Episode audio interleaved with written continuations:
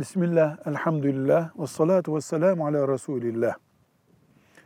İsrail oğulları Musa aleyhisselamla akrabalığı bulunan bir kavim oldukları halde, yani peygamber torunları oldukları halde çok kötü bir sürece sürüklendiler.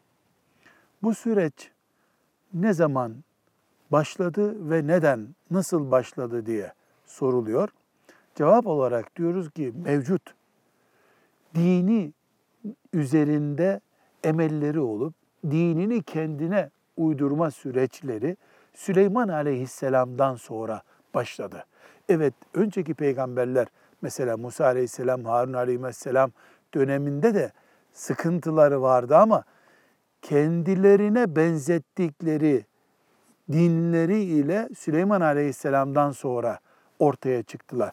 Bir şirk yayılması söz konusu oldu aralarında. Şirke düştüler. Yani Allah'ın haşa ortağı olabilecek olarak yorumlanacak hatalar işlediler.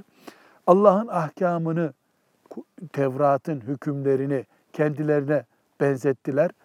Cinlere tapınır gibi yorumlanabilecek hatalara düştüler. Sihir içlerinde yayıldı.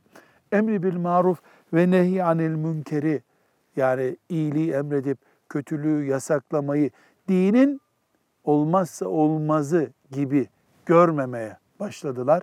Faiz ve ticaret üzerinde hunharca cinayetler işlediler.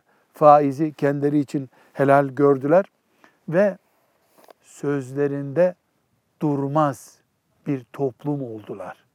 Bu hataların bütünüyle Kur'an-ı Kerim'in lanetlediği Yahudilere, İsrailoğullarına dönüşmüş oldular.